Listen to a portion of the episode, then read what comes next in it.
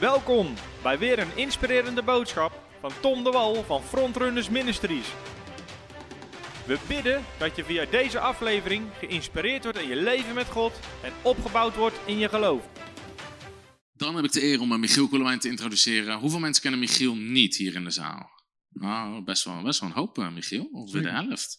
Nou, heel veel mensen kennen je natuurlijk vanuit business. En, ehm, en daarover spreken. En misschien niet over dit thema. Michiel en ik zijn een aantal jaar lang bevriend. We hebben elkaar ooit ontmoet in een bibliotheek in Zeewolde. Omdat alle andere eetentjes waren dicht. Dat vergeet ik nooit meer. Uiteindelijk eindigden we in een bibliotheek met een broodje zalm.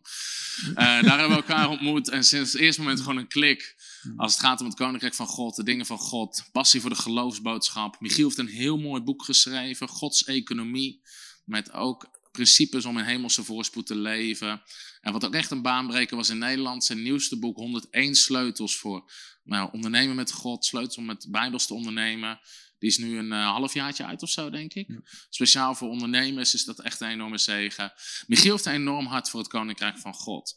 En het komt ook tot uiting. En hij is oudste in de lokale gemeente in EGZ in Zeewolde. Voorgaand oudste ook. Een geweldige gemeente. Veel mensen tot geloof komen, gedoopt worden. En gewoon een honger naar God. En, um, en ook in zijn eigen leven op allerlei gebieden. En toen ik ook na zat te denken over dit thema, dacht ik, het zou gaaf zijn om... Uh, of om Michiel ervoor te vragen. Omdat ook zijn gezin, hij heeft oudere kinderen, je dochter is getrouwd, ook kort geleden. Ja.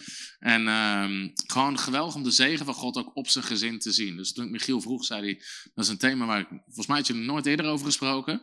Maar Michiel zei, ik ga er even over nadenken en hij appte mij terug. Er begint van alles te borrelen en alle inspiratie te komen, dus ik ga het doen. Halleluja.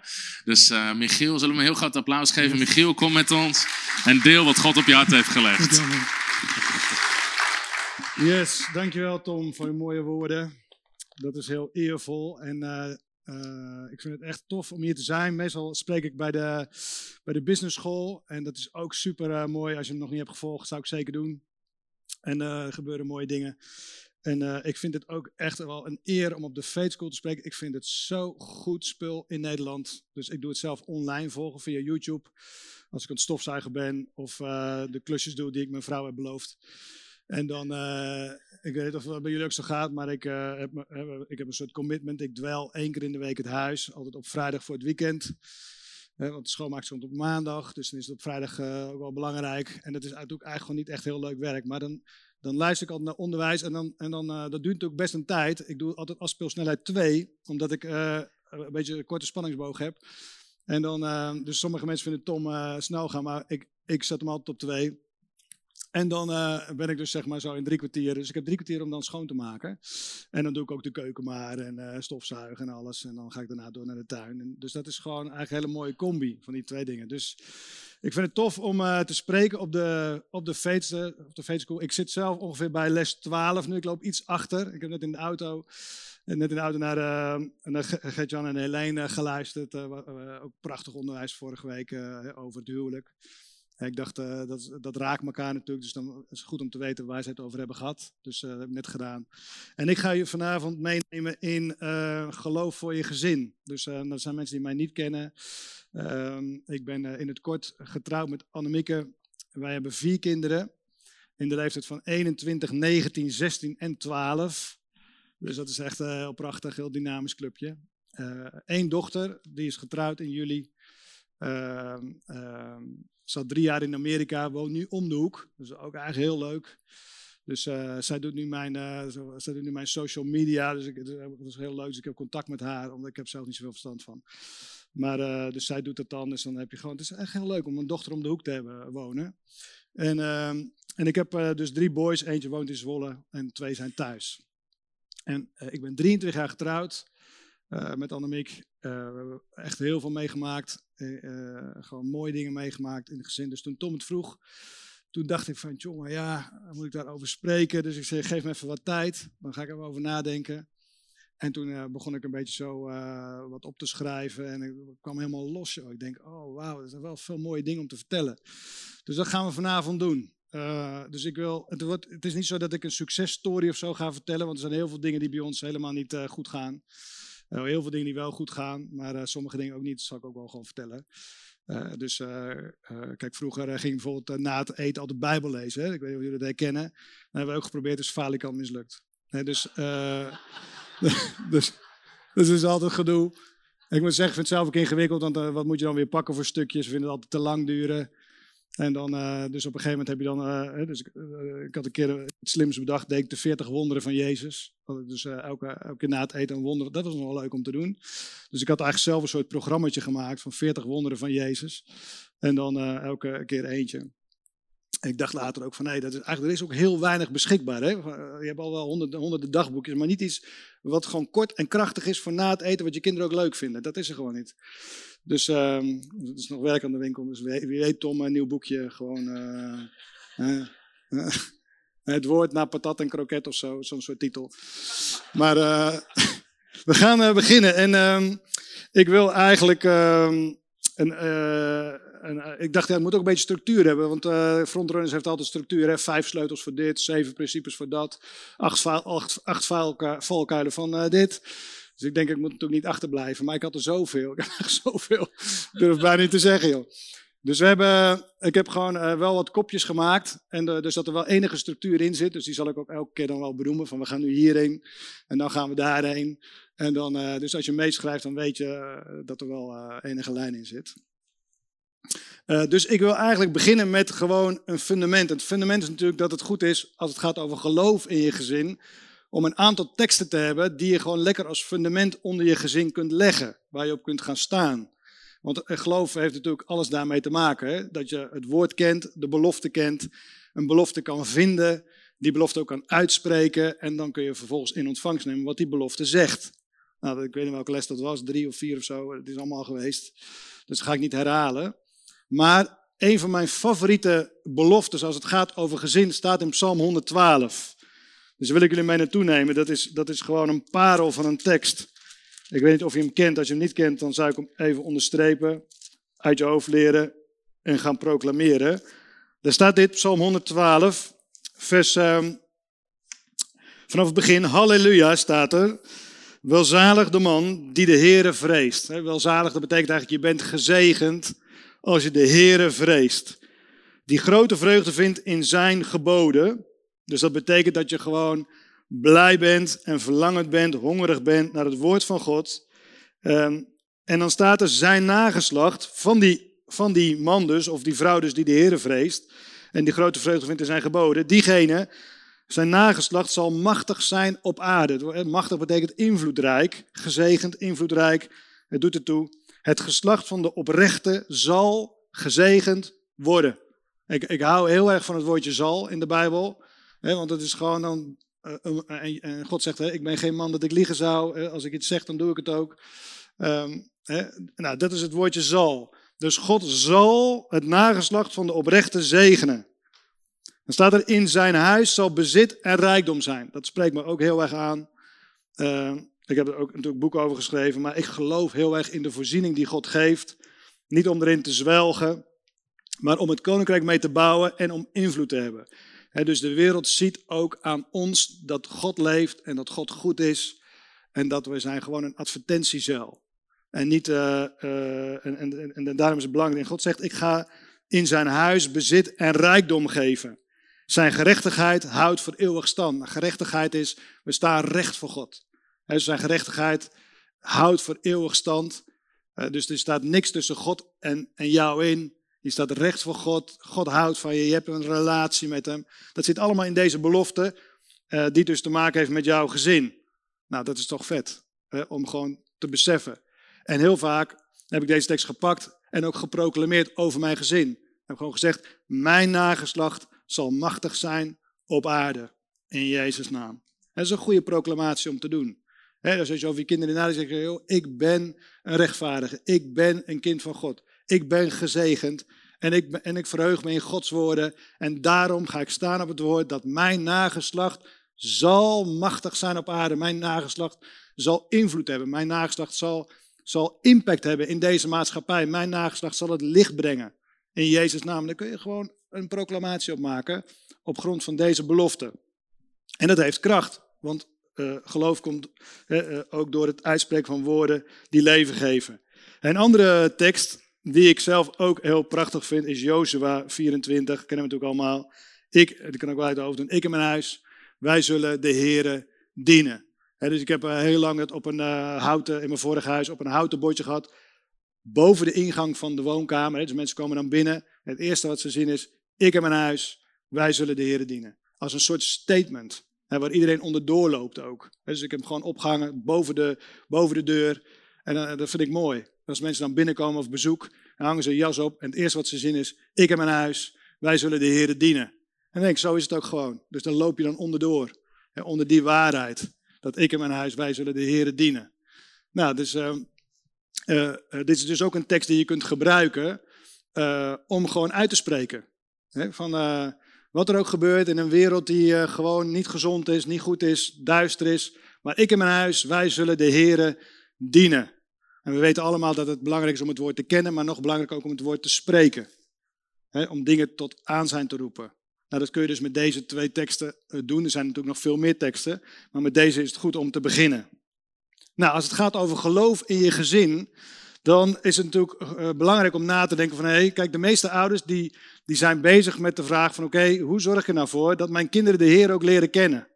Ik was uh, vrijdag en zaterdag was ik in Helsinki uh, spreken bij, bij, ehm, voor ondernemers en...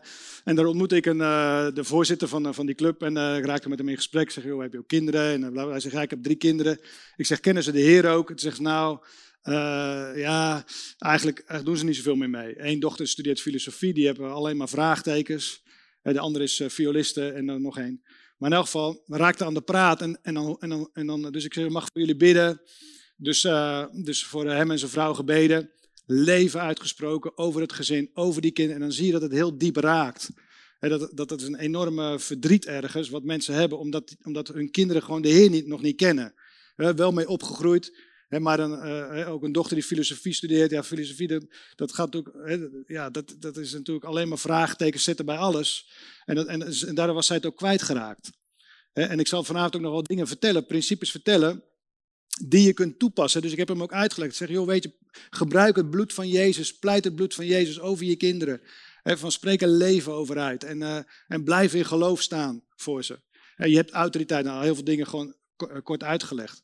He, dus alle, elke ouder vindt het belangrijk dat zijn, dat kinderen gewoon een ontmoeting hebben met Jezus. Jezus leren kennen. Uh, bij ons in de gemeente in Zeewolde hebben we eigenlijk bij het kinderwerk en bij het jeugdwerk eigenlijk vier doelen. Eigenlijk super simpel. Het eerste doel is, het is belangrijk dat ze Jezus leren kennen. Het tweede is dat ze zich laten dopen met water. Het derde is dat ze worden ondergedompeld met de Heilige Geest. Dus gedoopt in de Heilige Geest, Gods stem leren verstaan. En het vierde is fellowship. Gewoon leuke dingen doen, chips eten, kolen drinken, gewoon fun. Uh, springplanken, we noemen het allemaal, springkussens. En uh, dan gaan we helemaal los. Waarom? Omdat je gewoon, die kids wil je zo vroeg mogelijk brengen op dat punt. Dat ze Jezus omarmen, uh, worden gedoopt in de geest, dat ze gewoon dat ze de kracht ontvangen voor zieken bidden, voor elkaar bidden enzovoort. En eigenlijk is dat ook in je gezin belangrijk, dat je dus zeg maar alert bent van hey, hoe zorg ik ervoor, of hoe kan ik gewoon meewerken met de Heilige Geest, dat mijn kinderen die keus maken. Dus ik ga er vanavond ook wat dingen over zeggen, hè, hoe je, wat, wat daar hulpmiddelen voor zijn. Hè, dus maar jij zelf bent misschien nog wel de grootste invloed op wat er gebeurt met jouw kinderen.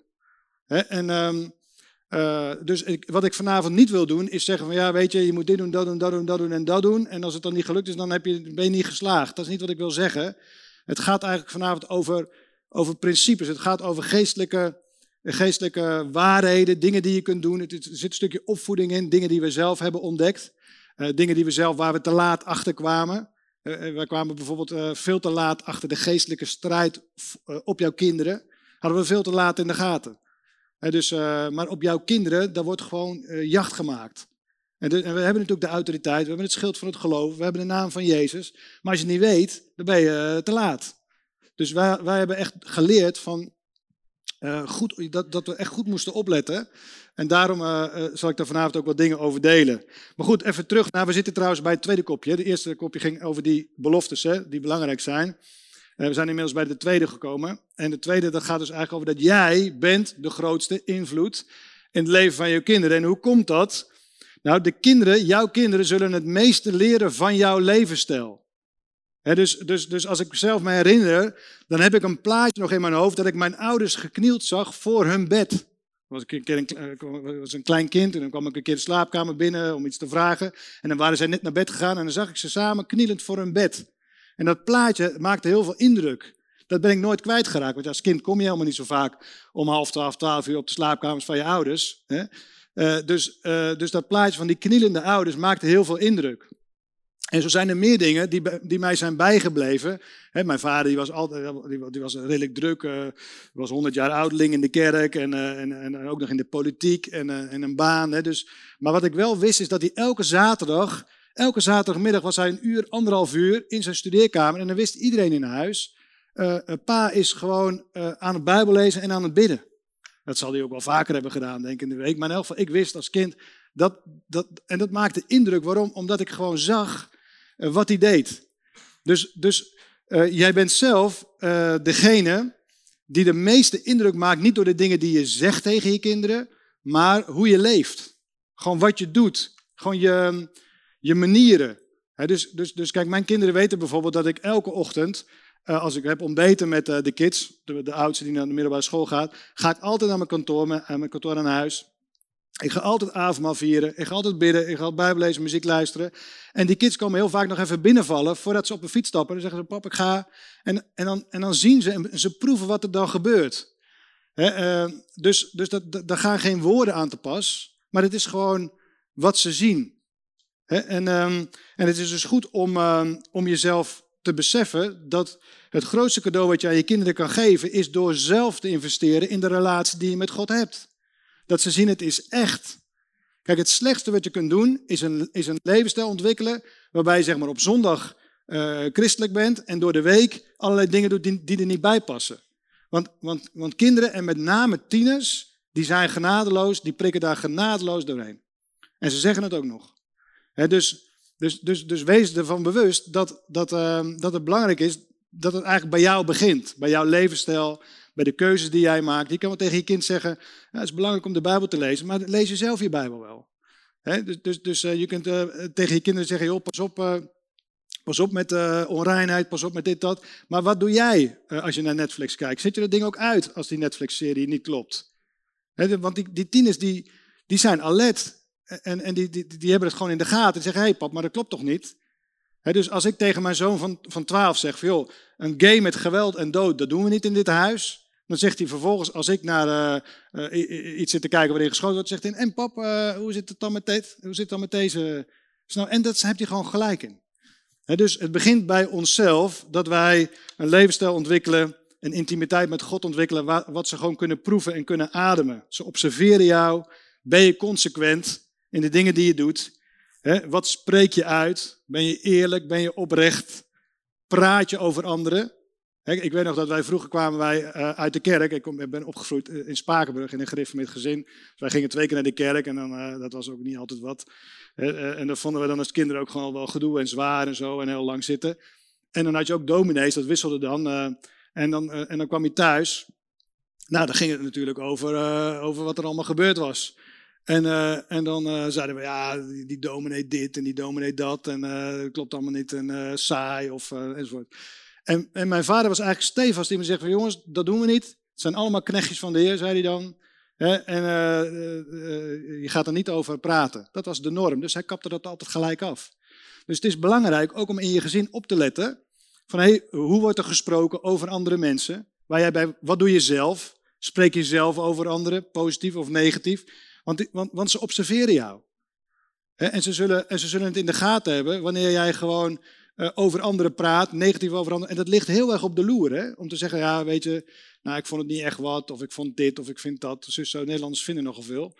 Dus, dus, dat, dus, dus dan, dan, en dat, dat kan zomaar je, je gezinscultuur insluipen. Dus goed om alert op te zijn. Um, maar ook dingen als, hè, uh, kijk, ik, ik, ik, ik heb zelf bijvoorbeeld... Um, mijn kinderen handelen veel op Marktplaats. Dat vinden ze leuk, omdat ik denk dat papa het ook leuk vindt. En, dus, maar kijk, uh, ook daarin is het belangrijk om een goed voorbeeld te zijn. Van wat gebeurt er op het moment dat. kijk, in het verleden had ik nog wel eens de neiging om iets te verkopen. En dan, en dan had ik iets verkocht. En dan kwam er later iemand en die bood dan meer. En dan wilde ik nog wel eens die eerste dan zeggen, ja, weet je, het gaat toch niet door. En dan verkocht ik het dan diegene die hoger had geboden. En mijn vrouw was er heel fel op, die vond het altijd dat niet kunnen. En ik heb dat moeten leren dat het inderdaad niet kan. Maar uh, maar uit, uiteindelijk, uiteindelijk uh, zijn dat dingen waardoor je, uh, wat je kinderen ook observeren en meemaken. Wat doe je als je in de supermarkt bent? Hè, ben je met je kinderen in de supermarkt en dan heb je betaald en dan kijk je en dan zie je dat er een product helemaal niet is afgerekend. Of ze heeft het verkeerd zoveel wisselgeld of zo. Er is niks krachtigers dan op dat moment tegen de cashier zeggen van hé hey, mevrouw, voor mij bent u dat product vergeten. En dan, en dan ik had laatst met een van mijn kids in de supermarkt, u bent het product vergeten. En um, zegt die mevrouw, nou, dan gaat u maar naar de servicebalie hoor. Dus ik zeg, ja, uh, ja, weet je, volgens mij uh, is het jullie belang. Hè? Ja. Nee hoor, gaat u maar naar de servicebalie. Dus dus, dus ik liep naar de servicebalie. Ik zeg, joh, die mevrouw heeft afgerekend. Kijk, dit zijn twee producten, ze heeft maar één aangeslagen. Klopt, ik moet meer betalen. Oh ja, nou, dat was ook niet een hele vrolijke mevrouw, maar in elk geval. Dus ik betalen. Maar daarna liepen we de supermarkt uit. Ik dacht, dit is een mooi moment om uit te leggen wat het principe is. Dus ik zei, ik zeg, weet je waarom ik dit nou heb gedaan? Nou, nee, uh, zei een van mijn kids. Ik zeg, nou kijk, wat je zaait is wat je oogst. Ik zeg, dus wat ik nu heb gedaan, ik heb gewoon gezaaid, uh, uh, want ik heb eerlijk gehandeld. Ik wil niet zonder te betalen de winkel uit. Ik wil niet, als ik weet dat ik een product niet heb betaald, dat wil ik niet zaaien in mijn leven. Want dat klopt niet, het is niet eerlijk. Dus ik wil kosten wat kost dat product betalen, want ik wil niet oogsten wat er gebeurt als ik dat product niet betaal. Dus je krijgt gewoon een levensles, gewoon in de supermarkt.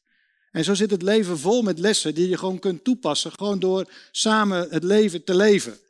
En dan zegt diegene, eh, dus diegene die zei, ik noem geen naam, want ik had het even met mijn kids over van de week, ik zeg, joh, ik ga je misschien voorbeelden gebruiken. Ik zeg, nou weet je wat we doen? Eh, ik zeg, zijn er dingen die je niet wil dat ik vertel? Nou, die waren er niet. Uh, ik zeg maar, dan zal ik zoveel, zo min mogelijk namen gebruiken. dus dat, dat, was dan een beetje de deal. Dus, uh, dus nou goed, wat wilde ik ook weer vertellen? Oh ja, dus, dus diegene zei tegen mij, een van de kids zei tegen mij, Bob zegt, het is toch apart dat, dat je, je, je wil het dan netjes doen, je wil betalen en ze zijn zo onaardig. Ik zeg ja, ik zeg ook daar zit weer een les in. Hè? Van als je vriendelijk bent en gewoon, dan oogst je vriendelijkheid terug. Is ook niet zo lekker enzovoort enzovoort. Dus dat zijn dingen om gewoon alert op te zijn. Alright, nou het is half negen en ik heb beloofd om half tien af te ronden. En we hebben nog veel te gaan, dus we gaan lekker door. We gaan, komen bij drie hè. Kopje drie. En het is het volgende. We leven in een tijd waarin de omgeving goddelozer en goddelozer wordt. Ik weet niet of het jullie opvalt, maar het is niet normaal. Het is echt niet normaal dus de duisternis wordt duisterder, het wordt gewoon zichtbaarder. op middelbare school weet je wel, van eh, ben je jongen, ben je meisje, wat voel je, enzovoort. Dat, is, begint normaal te worden. Ik vind het heel, echt heel zorgelijk.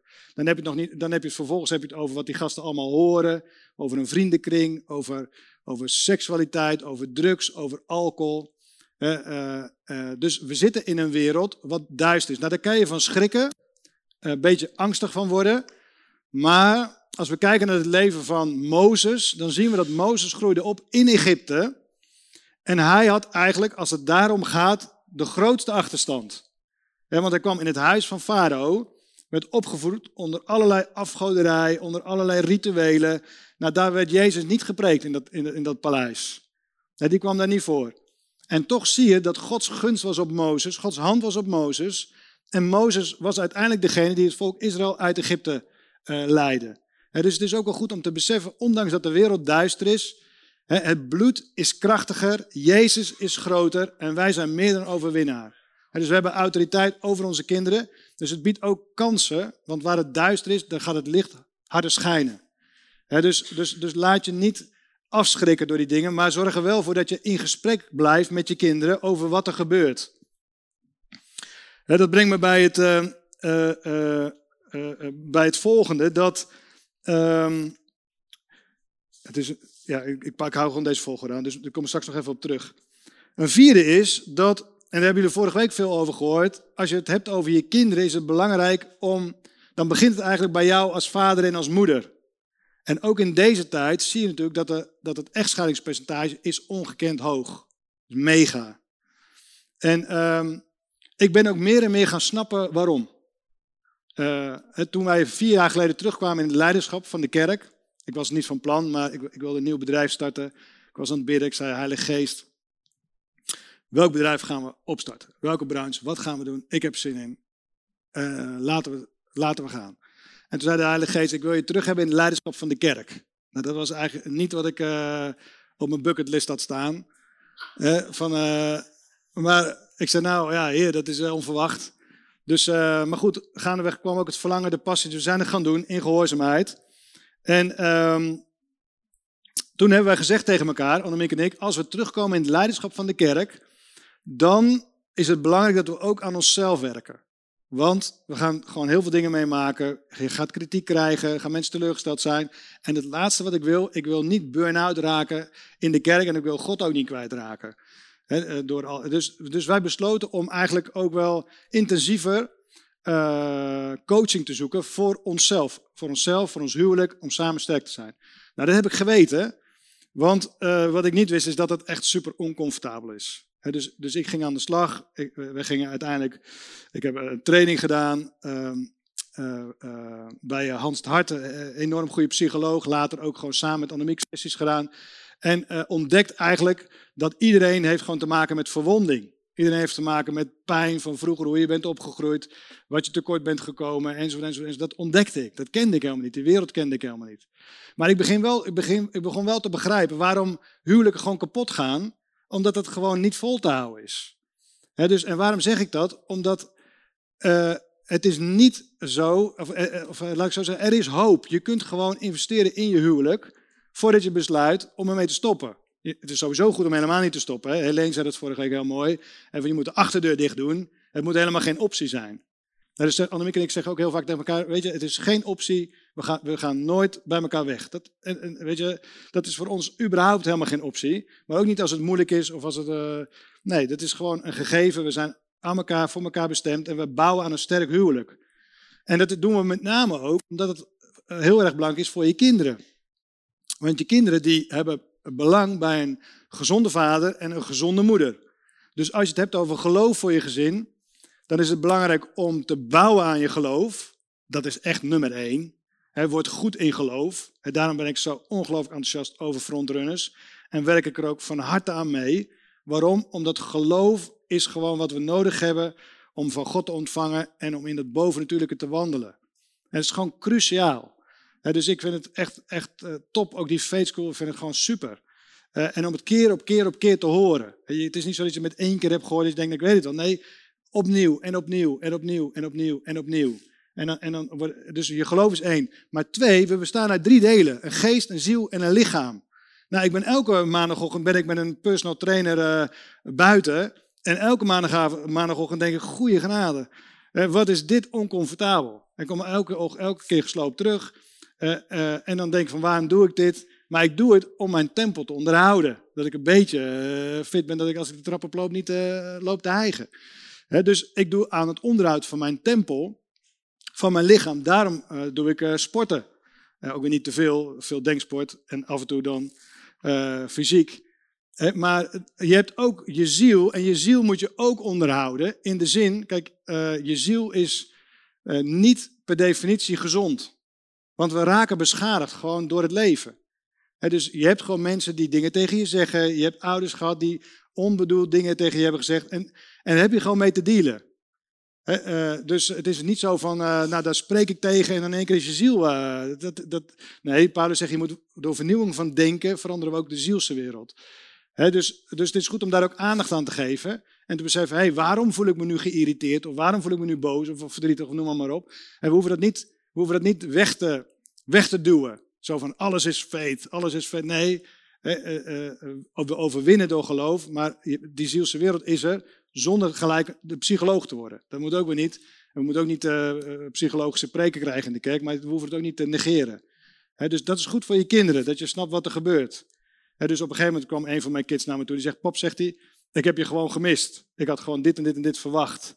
We waren samen mountainbiken. Toen zei hij, pap, ja, zegt hij, als, we dan, als ik dan terugkom en we praten, ik praat met je, dan, dan zeg je altijd, joh, hoe is het met dit of hoe is het met dat? Maar eigenlijk zou ik gewoon heel graag willen dat je echt aan me vraagt, van joh, hoe heb je dit beleefd, hoe heb je dat beleefd? Toen dacht ik, oh ja. dus, dus, de, en dan heb je daar gesprekken over, van waar hij behoefte heeft. dus het heeft niks met geloof te maken, maar heeft met zijn zielse wereld te maken. van, uh, van dingen, de behoeftes die leven. Dus goed om dat serieus te nemen. Er zijn supergoeie boeken voor, supergoed materiaal voor. En uh, dat kun je dus gewoon combineren. Dus dat is eigenlijk dan um, uh, over het, um, waar zitten we? We zitten bij eh, vier, hè? Eh, dat gaat dus eigenlijk over, eh, over je huwelijk. Gaan we naar vijf. En dat heeft te maken met de tijd. Hè? Hoeveel tijd heb jij beschikbaar voor je gezin?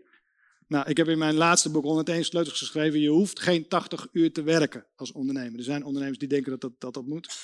Maar dat hoeft niet. Waarom niet? Er staat in de Bijbel: De zegen van de Heer maakt rijk. Hij voegt er geen zwoegen aan toe.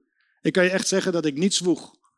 Uh, dat doe ik gewoon niet. Dus ik werk hard. Ik doe heel veel verschillende dingen. Maar ik ben me ervan bewust dat in mijn business hoef ik niet te zwoegen. In je baan hoef je niet te zwoegen. Moet je wel gewoon goede dingen doen, excellente dingen doen. Maar het is niet de bedoeling dat jij om zes uur s ochtends van huis rijdt, als iedereen nog ligt te slapen, en om acht uur s avonds thuis komt, moe, hè, en dan om, uh, en je kinderen weinig ziet, behalve op zaterdag. Dat is echt niet de bedoeling. Dus het is belangrijk om jezelf ook daarin een spiegel voor te houden. Van wat ben ik aan het doen? Heel veel mensen zijn gewoon verslaafd aan werken. Die, die vinden alles belangrijker. Hè, met de relaties uit eten, met de relaties naar Ajax. Hè, dan, uh, dit is de belangrijke receptie, afscheidsreceptie van die, dat, dat, dat, dat. Terwijl uiteindelijk is het gewoon super belangrijk dat je ook gewoon door de week gewoon thuis komt en dan gewoon met je kids contact hebt of ze van school haalt of bedenkend. En dat is gewoon een keus die je kunt maken om tijd te besteden aan je kinderen. En ehm, ook bewust tijd te besteden. Want het feit dat je thuis bent wil niet zeggen dat je tijd met ze doorbrengt. Het is ook goed om die momenten te creëren dat je samen dingen doet. Um, uh, en dat kan gewoon, kijk, wij, wij doen het gewoon, uh, ik doe het nu, ik heb twee tieners thuis nog wonen. En die houden heel erg van voetbal, van voetbal, ik zelf ook. Dus wij hebben gewoon een streep gezet in de avonden dat het Champions League voetbal is. Ja, vanavond ook, maar dat is een uitzondering. Maar normaal gesproken zou ik gewoon lekker met de boys gewoon Champions League kijken. En gewoon een beetje kletsen. Dat is ideaal achter voetbal. Kijk, beetje, er gebeurt ook niet zoveel. En die doelpunten, dat is heel af en toe.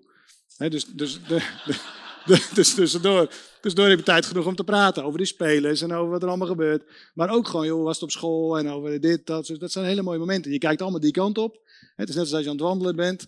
En vervolgens dan uh, doe je gewoon wat lekkers bij de, koffer, bij, bij de thee en, en, drinken, chips en zo. Daar kan je gewoon een moment van maken. Super simpel, daar hoef je niet voor naar de bioscoop of nee, kan je gewoon thuis doen. En op een gegeven moment wordt het de cultuur en het zijn wel hele kostbare momenten. Dus omdat wij gewoon veel tijd kwijt zijn met de kerk en avond. Kijk, hebben we gewoon uh, strepen gezet. Zo, nou dan niet. Dan kijk ik gewoon voetbal. En niet omdat ik voetbal nou zo uh, heel belangrijk vind. vind het wel leuk. Maar, ik, was vorige week bij Ajax. En die verloren 6-1 tegen Napels. Ik was in het stadion uitgenodigd door een leverancier. Dus ik, dus ik kreeg allemaal appjes van mensen. Oh, wat uh, vind je niet heel erg? Dacht, maakt mij nou uit. Weet je wel? denk van, dat, nou ja, weet jij nog wat ze vorig jaar deden tegen Willekeurig? Dat weet toch niemand meer? Ja, heel, heel, sommige. Maar ik weet dat niet. Dus het maakt me eigenlijk niet uit. Het gaat me eigenlijk om de beleving en gewoon om, om de verbinding. Oké, we gaan naar de volgende. En dat is een hele belangrijke. En dat gaat eigenlijk over je kerkelijke gemeente. Er zijn in Nederland heel veel kerken, maar ook heel veel kerken waar niet heel veel leven is. Zonder veroordeling, maar het is gewoon wel een feit. Dus als het gaat over je kinderen, is een van de belangrijkste dingen is om een kerk te zoeken en te vinden waar je kinderen goed Bijbels onderwijs krijgen. Kijk, mensen verhuizen voor hun werk. En dan zeggen ze, oh, ik heb een baan gekregen in Barendrecht, we gaan verhuizen. En dan verhuizen ze voor hun werk naar Barendrecht, omdat, ze, omdat papa dan niet zo lang hoeft te rijden. Maar vervolgens uh, uh, kunnen ze daar geen kerk vinden, of moeten ze een kerk op, op, op een, half, een half uur rijden. Ik zou je zeggen, dat, is, dat kan wel, maar het is, je kan je ook afvragen, zou je niet verhuizen voor je kerk? dus, dus, dus, want een kerk is de plek waar je kinderen, als het een goede kerk is, gewoon bijbels onderwijs krijgen. En uh, eigenlijk ook de gelegenheid krijgen om de Heer te vinden. Je kunt heel veel doen thuis, maar een kerk speelt een hele belangrijke rol. Dus een kerk waar goed kinderwerk is, waar goed jeugdwerk is, daar kun je prioriteit aan geven. En ze zijn er wel. neem Jubilee hier uh, ergens, uh, Gitruidenberg. Heb ik er wel eens gesproken. is echt een gezonde kerk.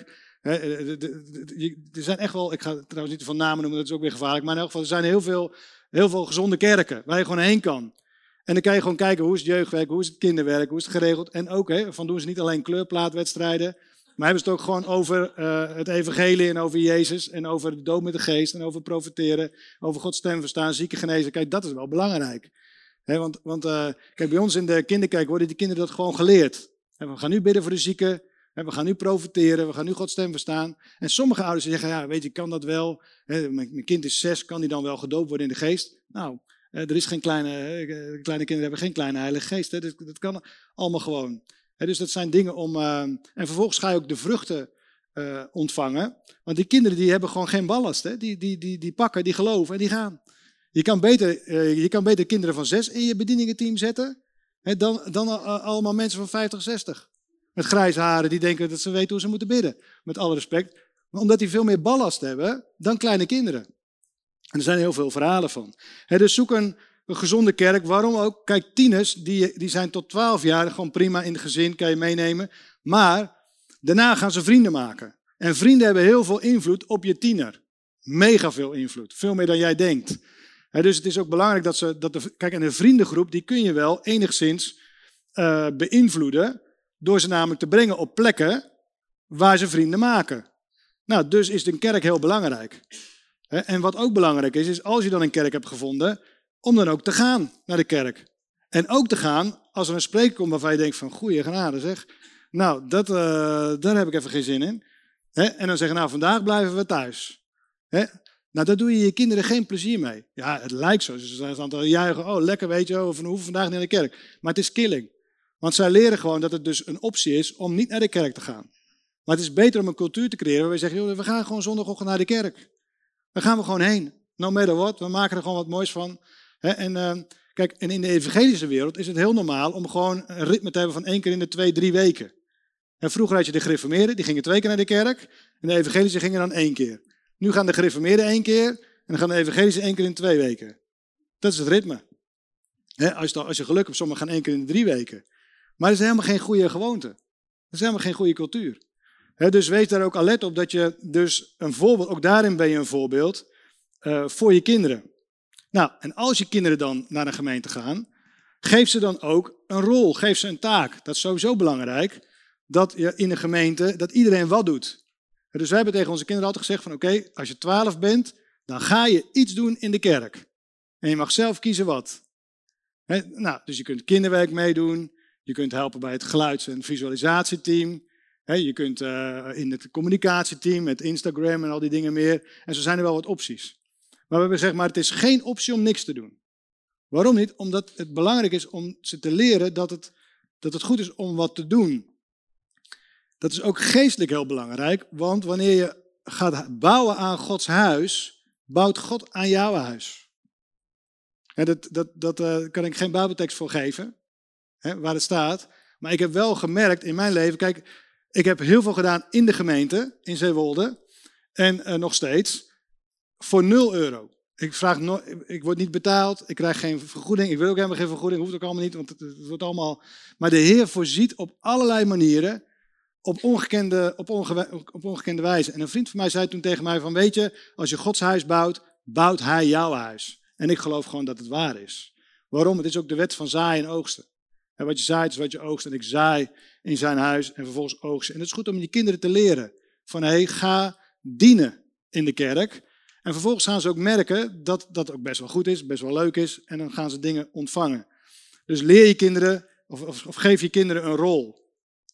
Nou, dat eigenlijk allemaal over, um, over de gemeente met één ding nog. Kijk, in al die jaren dat wij leiding geven aan de gemeentes, dat is ongeveer sinds 2005, heb ik gezien dat mensen, als het soms moeilijk wordt of pijn doet, of, ze, hè, of, of er gebeurt wat, dan is het uh, uh, best wel geregeld zo dat mensen de gemeente verlaten. Ze gaan weg. En misschien zitten hier ook wel mensen die de gemeente uit zijn gegaan. En dat is echt wel goed te snappen als dingen niet fijn zijn of pijn doen enzovoort. Alleen, heel vaak is het funest voor je kinderen. Als je geen andere goede gemeente vindt. Ik heb ook in mijn familie uh, situaties waarbij uh, teleurstelling was in de kerk door leiderschap, meestal door leiderschap. Want zo gaat het ook gewoon. En het zijn ook gewoon maar gewoon mensen. Maar als het, als het leiderschap niet sterk is, niet gezond is, dan, dan, dan, gaan de dingen ook niet goed. En vervolgens raken mensen teleurgesteld of wordt ze pijn gedaan. Of mensen nemen aanstoot. En dan gaan mensen de gemeente uit. Nou, op zich is dat nog tot daar aan toe. Behalve dat je goed moet opletten wat het met je kinderen doet. Want als je kinderen gezetteld zijn in een kerk en ze zitten daar goed en je trekt ze eruit, dan kunnen we zeggen, ja, maar weet je, we kunnen hier niet langer blijven, we zijn het er niet mee eens. Maar jij bent al lang gered. Je hebt de Heer al leren kennen, je bent al gedood met water, maar, maar hoe zit het met je kinderen? Blijf dan zitten voor je kinderen.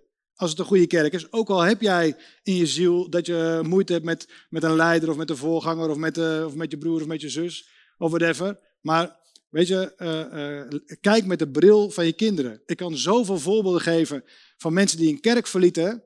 De kinderen gingen niet meer naar een kerk. En heel langzaam maar zeker, heel langzaam maar zeker, dan, dan, dan, dan, dan wordt, het gewoon, wordt het gewoon koud in het leven van die tieners. En dat is gewoon niet wat je wil. Oké, dan gaan we naar de volgende. Dat is volgens mij zeven. Dat is dat het goed en belangrijk is om je kinderen te faciliteren naar plekken waar ze Jezus kunnen ontmoeten. Eh, eh, en wat wil ik daarmee zeggen? Ehm, heel vaak gebeurt het niet bij jou aan de keukentafel dat ze Jezus ontmoeten. Heel vaak zijn het op plekken en op momenten waar ze een jeugdweekend hebben of waar ze een week ergens meedraaien. En, en, en daar hebben ze dan een diepe ontmoeting met God. Dus het is belangrijk om te faciliteren dat je kinderen daar komen. Dus wij, hebben bijvoorbeeld op een gegeven moment gezegd tegen onze kids: uh, we vinden het belangrijk dat je een week naar Herman Boon gaat. Naar de kinderkamp van Herman Boon. Nou, nou is het niet zo dat ik het overal mee eens ben. Uh, als het gaat over hè, uh, hoe er aangekeken wordt tegen bepaalde dingen. Maar ik maak dat ondergeschikt aan het feit dat het een hele radicale week is. Dat Jezus daar centraal staat. Dat er supermooie dingen gebeuren. Dus, dus wij hebben onze kinderen gestimuleerd om daarheen te gaan. Hè? En, uh, en er zijn hele mooie dingen gebeurd. Nou, dat kun je gewoon eigenlijk. Je kunt zeggen, ja, moet je dat nou pushen?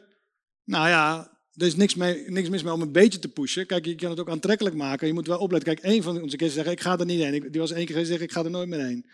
He, dat moet je ook serieus nemen. Dat, dat past er niet, dat matcht er niet.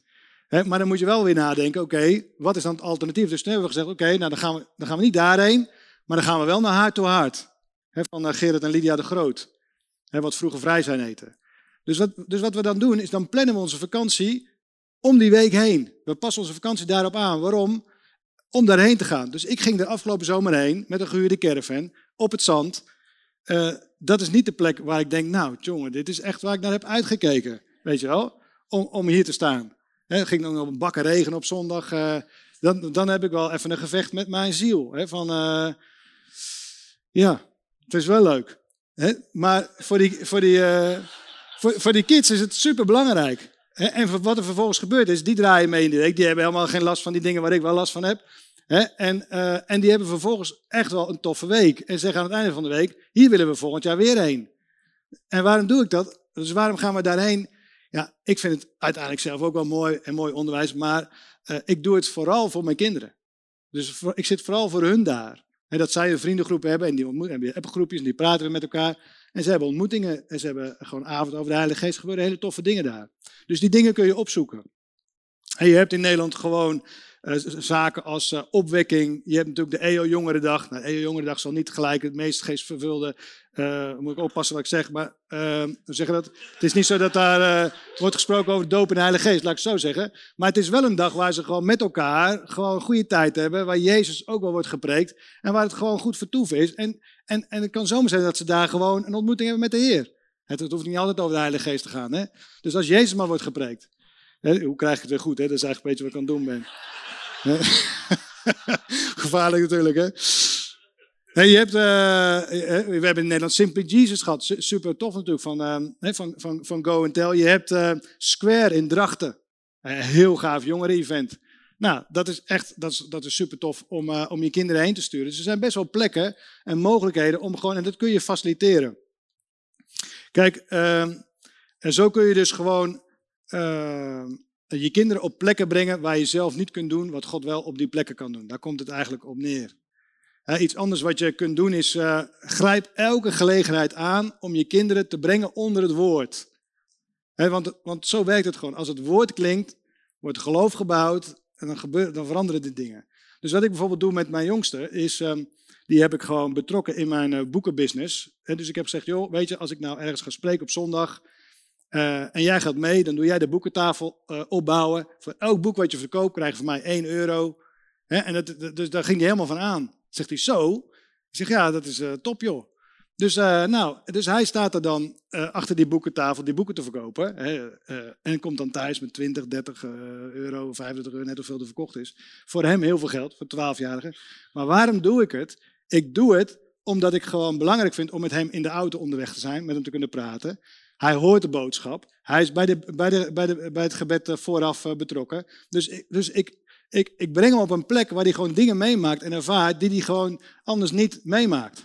ik heb ze ook wel meegenomen hier naar de, naar de business school of naar, naar plekken waar, dat is gewoon, gewoon goede plekken.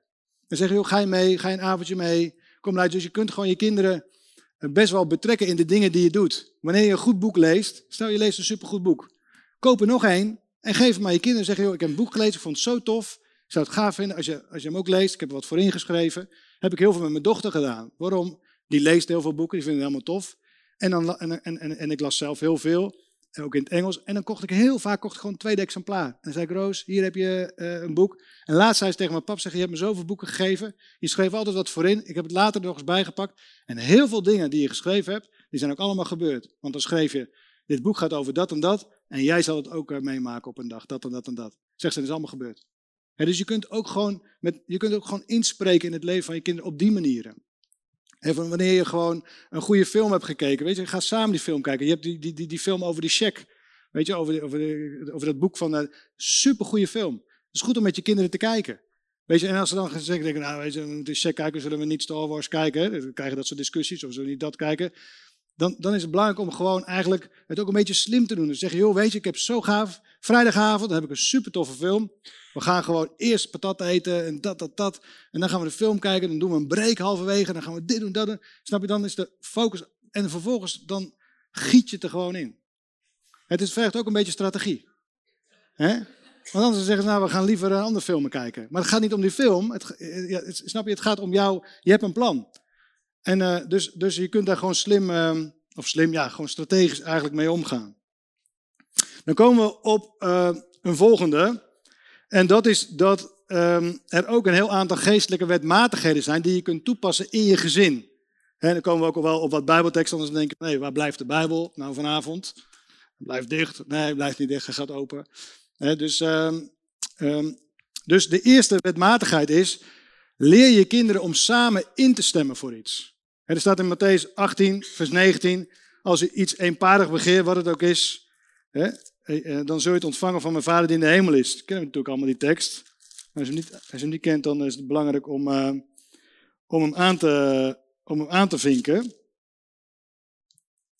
Ik zal hem even opzoeken. Vers 19 van hoofdstuk 18. Verder zeg ik u dat als twee van u op aarde iets wat dan ook eenstemmig verlangen, het hun ten deel zal vallen van mijn vader die in de hemel is. En nou, Tom heeft er ook over gesproken aan het begin van de Faith School. is een heel belangrijk principe om gewoon in gebed toe te passen. als je het samen instemt, dan kun je ontvangen van je vader die in de hemel is. Dat kun je je kinderen gewoon spelende wijs leren. En dus op een gegeven moment was, was mijn dochter was in Frankrijk voor een outreach. En ik had daar op de WhatsApp. Ik zeg, hoe is het in Frankrijk? Ik zeg, ja, super tof, weet je. Ik zeg, oh, waar ben je nu? Ja, daar en daar. Ja, zegt ze, vanavond is wel beroerd, want um, uh, of ik had er aan de telefoon. Ik was met haar aan het bellen. Ja, zegt ze van, nou, is wel beroerd, want uh, uh, ik zit in een gastgezin en die mevrouw die wil heel exotisch eten met paddenstoelen en weet ik veel allemaal. Ik zeg, oh joh, dat is wel beroerd man. Ik zeg, dat, dat, is, wel, dat is wel heftig. Hè, dus, dus zij zat daarmee eigenlijk, hè, was 16 of zo in die tijd. Ik zeg, maar weet je wat we kunnen doen? We kunnen natuurlijk gewoon verbidden. Hè, dat je vanavond gewoon lekker naar de Mac gaat. Dus zij zegt, kan dat? Ik zeg, ja, dat kunnen we gewoon doen. Dus uh, ik zeg, uh, weet je, we, pakken die Bijbeltekst. Dus ik legde die Bijbeltekst aan haar uit. Ik zeg, kijk, hier staat het. Als je het één paar hebt we kunnen gewoon samen instemmen. Dus dus uh, ik heb geloof niet de McDonald's maar dat je vanavond lekker zal eten. Zoiets had ik gezegd. Dat je vanavond lekker zal eten en dat je niet die paddenstoelen hoeft te eten. Nou, dat is goed, pap. Dus wij stemden in door de telefoon, op grond van die tekst. Een beetje spielerij eigenlijk. Dat was natuurlijk gewoon, ja, ik had er geloof voor, maar zij had nog nooit van gehoord. Dus vervolgens, s'avonds appt ze me zegt ze, pap, zegt, het is echt niet te geloven wat er gebeurt is. Zegt ze, we zaten in de auto. Die mevrouw die, eh, die had dus eh, alles klaargemaakt. We waren op weg naar huis. En op een gegeven moment zegt die, zegt die vader van het gastgezinmeisje, die zegt van, uh, nou kijk, daar hebben we de McDonald's. Laten we daarheen gaan. En de paddenstoelen waren helemaal van de baan. En we, zaten, we hebben daar gewoon bij de McDonald's gegeten. En toen dacht ik, nou, dat is toch fantastisch, weet je wel. Dus je kunt gewoon het ook wel spelende wijze gewoon leren. Door te zeggen, laten, laten we het gewoon uitproberen. Ik geloof niet dat de Heer daar een probleem mee heeft. Dat je samen met je kinderen probeert om daarin uit te stappen. dus samen instemmen is belangrijk. de kracht van woorden. leer je kinderen dat dood en leven is in de kracht van de tong. Dus wat je spreekt heeft effect. Nou, dat ga je gewoon meemaken thuis. Zeker met tieners, die, die, die hebben soms ruzie met elkaar. En dan krijg je teksten als ik haat je, of ik maak je kapot. Weet je wel, dat, dat, ik weet niet of bij jullie zo is, maar dat, die teksten klinken dan gewoon door huis. En op dat moment moet je natuurlijk dan zeggen, hé hey, jongens, jongens, dat kan niet. Want woorden hebben kracht. Dat kan je niet uitspreken. En op dat moment kun je dus gewoon uh, die cultuur erin brengen. Dat die dingen worden niet uitgesproken. Dus wij zijn er super streng op op dingen die gesproken worden. We corrigeren ze erop. En bij sommige woorden, die, uh, die ik allemaal niet ga herhalen nu, eh, daar hebben we van gezegd van joh, dat is echt not done. Als je dit nog een keer doet, heb je een groot probleem. en dan weten ze ook dat het menens is. Maar ik leg ook uit, ik zeg gewoon, kijk, wat je spreekt is hetgeen wat je ontvangt. Ik zeg, en dat wil jij niet ontvangen, wat je nu spreekt. En op een gegeven moment, dan komt die cultuur in je gezin. En wat er dan gebeurt, dan gaan ze op een gegeven moment zelf uh, die dingen roepen. Dan zeggen ze, zeggen ze, let op wat je zegt, hè. Let op je woorden. En soms doen ze het als een geintje, weet je wel. Dan zit je er gewoon een beetje te dissen. Maar is wel goed. En zeggen ze, pap, let op hè, wat je zegt, hè. Pap, pap. Ja, zo gaat het dan. dus um, een, derde, een derde belangrijke is, van, er zit enorme kracht in het vieren van avondmaal. dus ik vertel al dat wij niet echt geslaagd zijn in bijbellezen na het eten. Uh, helaas. Maar, maar wat we wel doen is, elke zondagmorgen vieren we avondmaal. Dus uh, als we ontbijten samen, dan heb ik, dan heb ik uh, en heb ik matses en vieren we avondmaal. Niet dat, die, niet dat je kinderen dan altijd op de bank staan te springen van nou jongens, we gaan weer avondmaal vieren. Sterker nog, en soms zeggen ze nee, weet je, we hebben haast. Of, maar, maar omdat ze weten dat ik, dat ik het belangrijk vind, dat ik er vol van ben en elke zondag hetzelfde doe. Dus elke zondag pak ik de tekst uit 1 Korinthe want ik heb van de Heer ontvangen, wat ik u ook heb overgeleverd, dat de Heer Jezus in de nacht het verraden brood nam, enzovoort. En op een gegeven moment kunnen die, die gasten kunnen die tekst gewoon zelf uit hun hoofd. Dus laatst sprak ik mijn dochter en die zegt, pap zegt het is zo, als ik nu avondmaal vier, en, en die doet ook elke dag avondmaal vieren, omdat ze dat gewoon eh, eh, heeft geproefd en meegemaakt, zegt ze, en ik doe precies hetzelfde, ik doe elke ochtend ook die tekst. En ik zeg, wat vind je ervan? Zegt ze, ik vind het heerlijk. Dus je kunt gewoon dingen erin kneden, inmasseren, dat kan gewoon een ritueel worden. En dat zijn goede rituelen. Waarbij je. En soms is het heel kort. En soms is het iets langer. En soms leg ik het uit. En soms niet. Kijk, in het begin heb ik heel vaak uitgelegd. Wat is de wijn en wat is de brood? Van, om uit te leggen, het is het verbond. Het is, het brood over gezondheid. En, en over, over de streamen van Jezus. En dat is belangrijk om uit te leggen. Keer op keer op keer. Want uiteindelijk dan bijtel je dat erin. want het is heel goed om je kinderen mee te geven. Door zijn streamen zijn wij genezen. Zeker in Nederland. dat is geen vanzelfsprekendheid. Dus dat ze weten van oké, ze streamen zijn genezen, brood te nemen. en dat ze ook weten van hé, nou dit hoort erbij. Dus het avondmaal vieren is bij ons in het gezin uh, geïntegreerd. Dan een andere, het bloed van Jezus pleiten over je kinderen. Nou, waar, eh, waar baseren we dat op? Baseren we op openbaring. Openbaring 12. Daar staat het volgende. En ze hebben hem overwonnen door het bloed van het lam en door het woord van hun getuigenis. Openbaring 12, vers 11. Ze hebben hem, wie is hem? Hem is de duivel, staat in vers 9. Ze hebben hem overwonnen door het bloed van het lam en het woord van hun getuigenis. Nou, als we het bloed pleiten, het bloed pleiten betekent eigenlijk dat we ergens een pleidooi van maken. Dus als je in de rechtbank staat, dan heb je een advocaat en de advocaat heeft een pleidooi voorbereid. En die pleit voor jou en die zegt nou, mijn, mijn, uh, mijn cliënt die is niet schuldig aan dat en dat en dat, want op grond van dit en dit en dit en dit bewijs heeft hij het niet gedaan. En dan is zijn pleidooi afgerond. Nou, wij hebben ook een pleidooi, wij kunnen ook een pleidooi voeren. En dat pleidooi is dat we zeggen, Jezus kwam naar de aarde, hij is gestorven aan het kruis, zijn bloed is gestroomd. En op grond van datgene wat Jezus heeft gedaan, pleit ik dit en dat en dat en dat. Dat is dus het bloed pleiten. Je kunt het bloed dus toepassen, een pleidooi houden. Dat staat eigenlijk hier in openbaring. Ze hebben hem overwonnen door het bloed van het lam en het woord van hun getuigenis. Nou, dat kun je dus gewoon ook over je gezin doen. Dus je kunt zeggen, ik pleit het bloed van Jezus over mijn kinderen. Kijk, in, in Egypte deden ze het bloed aan de deurpost, zodat de doodsengel voorbij ging. maar wij kunnen ook gewoon het bloed uitspreken over onze kinderen. Nou, ik leerde dat zelf een jaar of vijf geleden in ehm, Amerika. Ik was op een, op een conferentie daar en die voorganger daar die legde dat hele principe van het bloedpleiten uit. Ik had het eigenlijk nog nooit goed gehoord. En, ehm, en hij zei van, joh, wij, ehm, wij waren een avond in de kerk en eh, onze zoon was oppassen bij eh, een uh, gemeentelid. En wij kregen die avond onderwijs over het pleiten van het bloed. En we hebben dat toen op die avond ook gedaan. Dus wij gingen ook over onze gezin bloed pleiten. Maar wat er gebeurde, wat we niet wisten, dat was dat, dat die avond, toen onze zoon naar huis ging, hij achtervolgd werd door iemand die hem eigenlijk wilde kidnappen. En dat is niet gelukt. Dus hij is veilig thuisgekomen. Maar de volgende dag stond in de krant dat die avond dus wel iemand gekidnapt was met een hele, hele nare uitkomst. Dus zij zeiden van het, komt, het is zo reëel dat toen wij dus het bloed van Jezus pleiten over ons gezin, was er ook daadwerkelijk die bescherming. Nou, ik was uh, op die conferentie, uh, ik leerde daar iemand kennen, die is steward bij, bij, bij, bij, bij ik weet niet meer welke maatschappij, maar in elk geval, die vliegt dus heen en weer. Dus een mannelijke stewardess heet geloof ik, hij steward. En, en, de, en hij zei, ja, ik heb dit ook meegemaakt. Hij zegt, wij waren onderweg naar Parijs en vlak voor Parijs moest het landingsgestel uit, maar het landingsgestel ging niet uit. En dan ontbrak een beetje paniek uit. Ook bij de, bij, de piloot. En dat, dat, zijpelde door naar, de, naar het uh, cabinepersoneel. En op een gegeven moment zeiden ze: hey, jij bent toch een gelovige, jij bent toch christen, kun jij niet bidden? Dat zei ze tegen hem.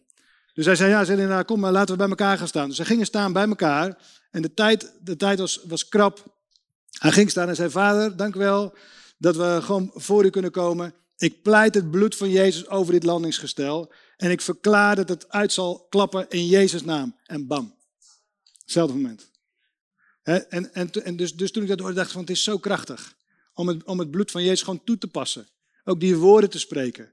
En zeggen van, ik, en, het is zo'n mooie, zo'n mooi beeld ook als je beseft, die advocaat die dus pleit op grond van bewijs. Wij kunnen ook pleiten op grond van bewijs.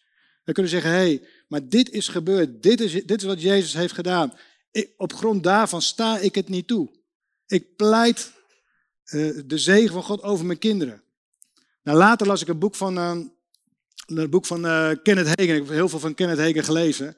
Ik spaar ook, ik probeer ook al zijn boeken te, te, te, krijgen. Het zijn alleen heel veel en sommige zijn heel lastig te krijgen. Er een beetje sport van gemaakt. En sommige sparen sneakers en, en, en ik probeer zijn boeken te verzamelen.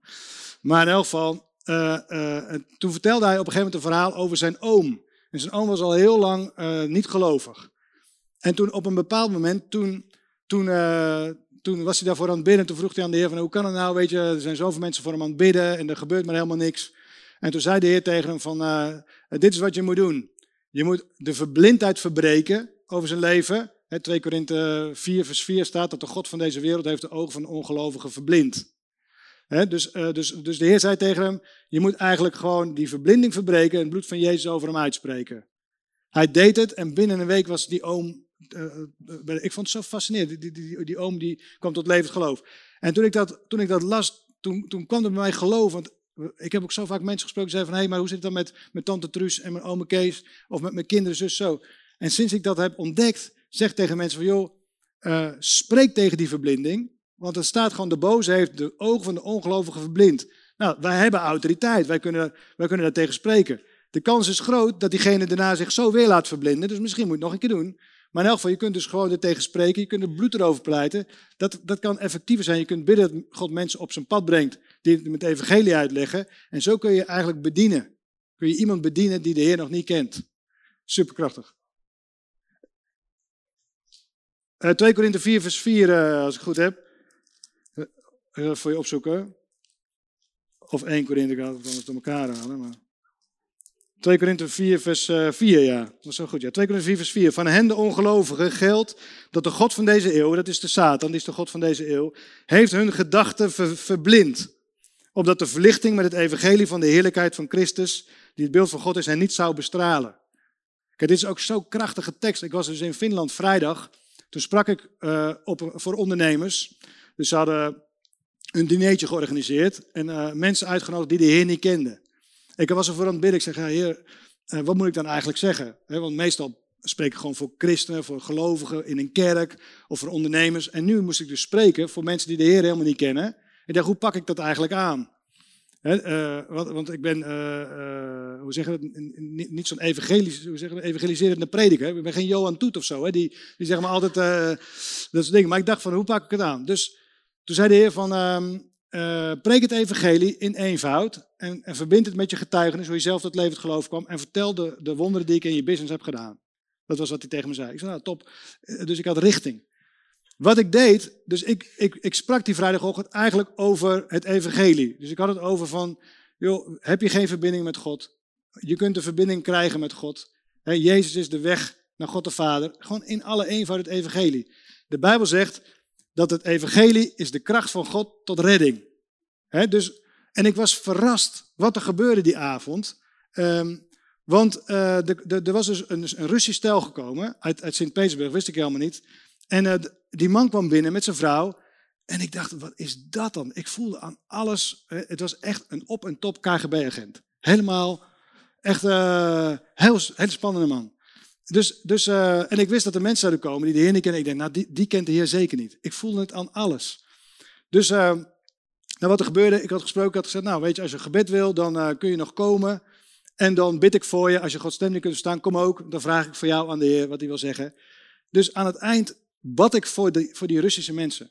Dus ik was naar hun toe gelopen. Ik zeg, "Wel, eh, heb je het ervaren? Die vrouw zegt, ik ben helemaal weggeblazen. Ik kan bijna niet meer ademen. Wat gebeurt er? Ik zeg, nou, ik denk dat God aan het werk is, maar wil je gebed? Hij kwam er ook bij. Ik zeg, wil je verbinding met God? Ja, wil verbinding met God. Ik zeg, nou, dan gaan we Jezus vragen om binnen te komen. Dus zei, ja, dat willen we wel. Dus ze, ze, ze, kwamen daar, ze nodigden daar Jezus uit in hun leven. En later dacht ik van, dat is zo gaaf dat, dat, dat op het moment dat het evangelie klinkt, kan die verblinding geen stand houden. Het evangelie schijnt erop. Het evangelie is het licht wat schijnt, de verblinding verbreekt en mensen komen tot levend geloof. Eh, En het is belangrijk dat we gaan beseffen dat het veel eenvoudiger is dan dat we vaak denken. Het is eigenlijk gewoon een kwestie van, van hey, hoe is het met je? Hoe was je dag? hey, by the way, eh, heb je ook eh, verbinding met God? Heb je hem wel eens gehoord? Wat bedoel je? En dan vervolgens leg je heel eenvoudig uit en zeg, mag voor je bidden? Je, kunt, je kunt soms iemand zo bij de Heer brengen. Maar het is een ander onderwerp.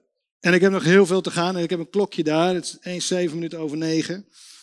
Het is echt uh, opschieten Tom vanavond. Dan gaan we door naar het volgende punt. En dat gaat eigenlijk over de bestemming op het leven van je kinderen. Nou, je kinderen, die heeft God in je leven geplaatst. Maar God heeft met ieder mens een bestemming. Hij heeft een plan voor ieder mens. En het is belangrijk om het plan te ontdekken. Dus het is ook goed om je kinderen te helpen om dat plan te ontdekken. En wees ook alert dat er strijd gaande is om jouw kinderen. En dat het dus belangrijk is om je autoriteit te gebruiken. En Tom vertelde aan het begin dat, dat ik uh, een wonder heb meegemaakt met de. Dat is ook zo. Uh, op een bepaald moment hadden wij, uh, we, hebben, we hebben best wel dingen meegemaakt met onze kids. Met name met de oudste twee.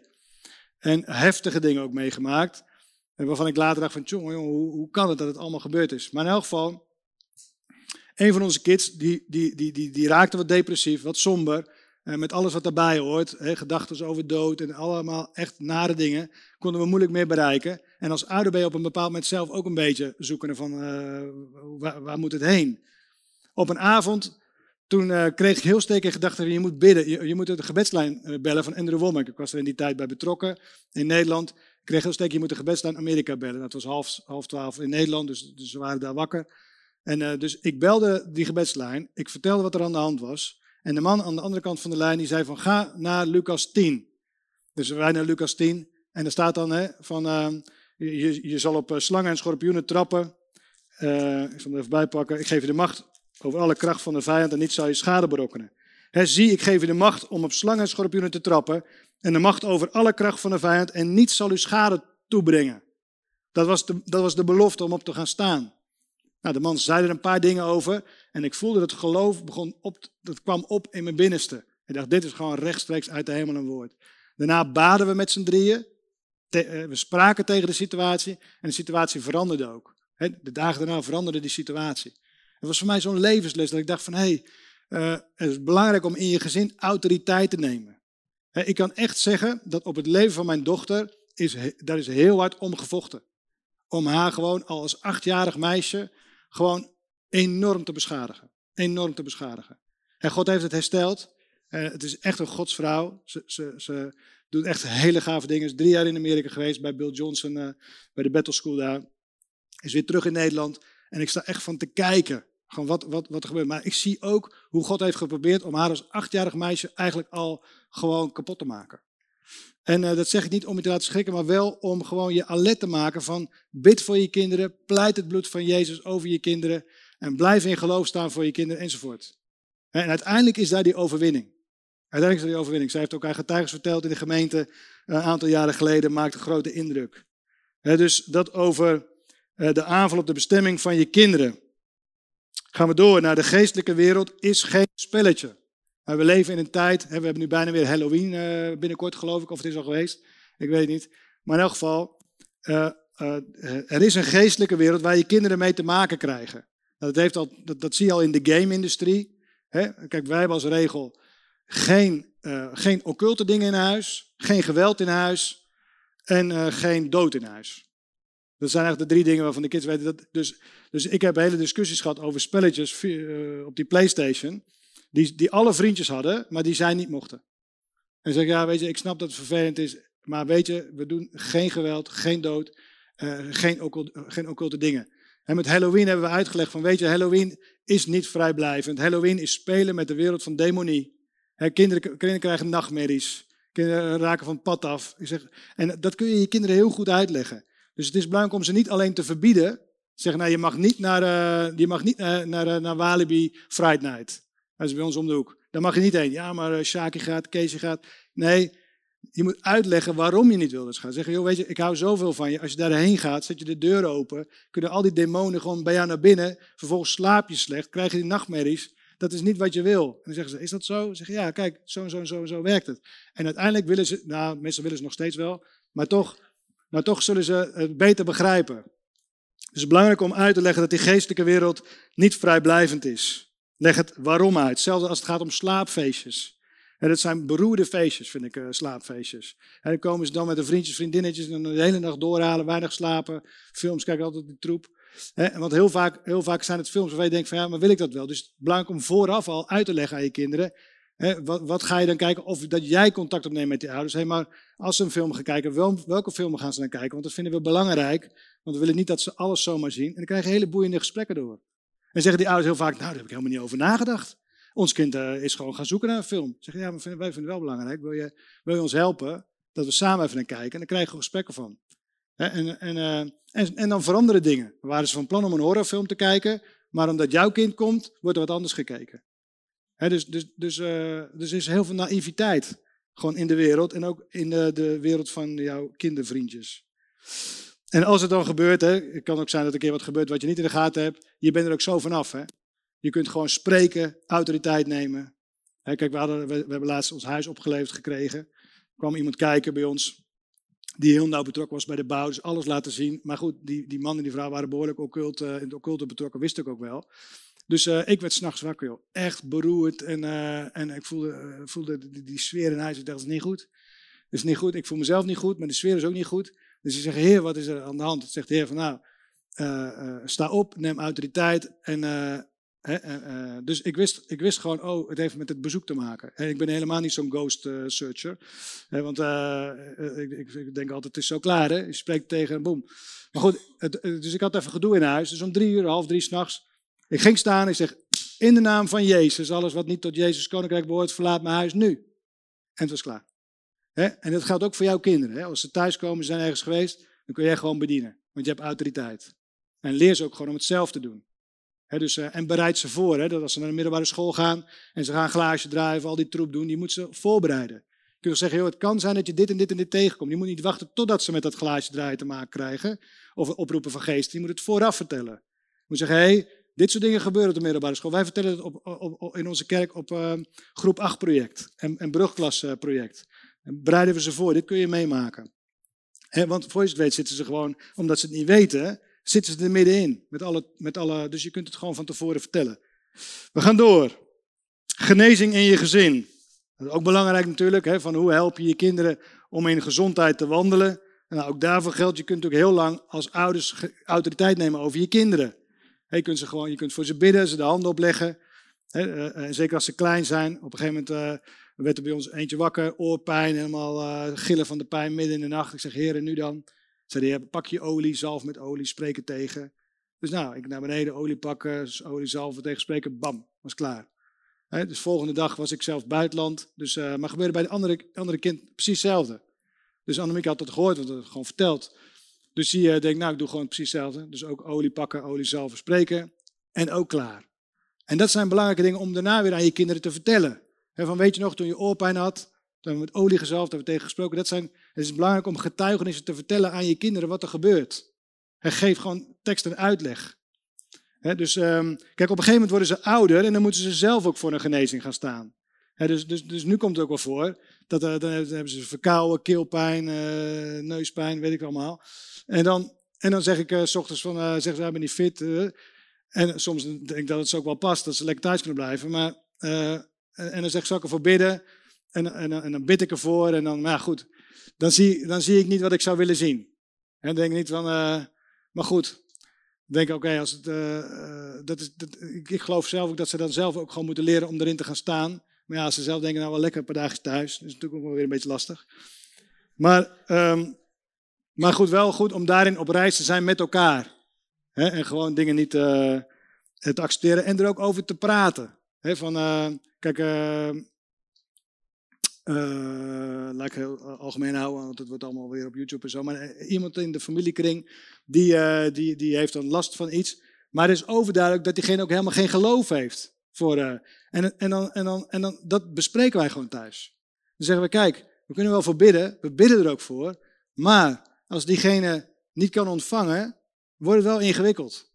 en dan, en dat is gewoon onderwijs wat je geeft, gewoon onder het eten door.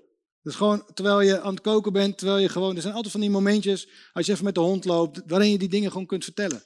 En wat ze gewoon snappen, is belangrijk. Nou, dan iets over bestemming en opleiding. In Nederland leven we in een cultuur dat we vooral goede opleidingen moeten hebben. Hè, eh, studeren, papieren enzovoort. Maar het is belangrijk om jezelf te beseffen dat de bestemming en het succes hangt niet af van een papiertje. Er zijn heel veel ouders die pushen dat helemaal door het dak heen. Je moet wel dit, je moet wel studeren, je moet wel zus, moet zo. Maar je moet je afvragen, van, is dat wel zo? dus uiteindelijk is succes en bestemming niet afhankelijk van je studie. Het is afhankelijk van de gunst en de zegen die op je kind rust. En uiteindelijk moet je ontdekken wat zijn de gaven, wat zijn de talenten die, die in hem zitten. Dus misschien kan hij wel heel goed. Ik sprak laatst iemand en die zei: Ja, ik was zo dol op sport. Ik vond sport zo, zo fantastisch en ik wilde er eigenlijk mee verder. Maar mijn vader zei: Ga jij nou maar gewoon HBO doen? Ga jij nou maar gewoon accountancy studeren? Hij zei: Dat heb ik gedaan en nu ben ik accountant en nu zit ik in een accountantskantoor. Ik zeg: En ben je gelukkig? Nee, zegt hij. Ik zeg: Nee, want je had gewoon eigenlijk gewoon met sport willen doen. Dus, dus wat God in jou heeft gelegd, de bestemming die God in jou heeft gelegd, die is ergens ook gewoon een beetje geblokkeerd, omdat jouw vader dacht, ja, daar kan hij geen droog brood mee verdienen. En dat is wel belangrijk, dus laat hij maar accountant worden. En voor dit weet doen wij hetzelfde met onze kinderen. Nou, misschien is het wel goed dat hij toch dat doet. Nee, uh, benadruk vooral de gaven, talenten, zorg dat hij, wat God erin heeft gelegd. God is de voorziener en niet een werkgever. God voorziet altijd. Je kan je kinderen beter leren om te geven dan dat je ze uh, pushte in een, uh, in een opleiding. Dan de volgende. Ik ben de tel kwijt, dus als iemand weet waar we zitten, dan uh, roep het vooral. Hoeveel? 13 zitten we? 13. Opvoeding hoeft niet perfect. kijk, je zal nooit een perfecte opvoeding geven. Wij ook niet. en het is belangrijk dat je je kinderen leert dat ze mogen komen zoals ze zijn.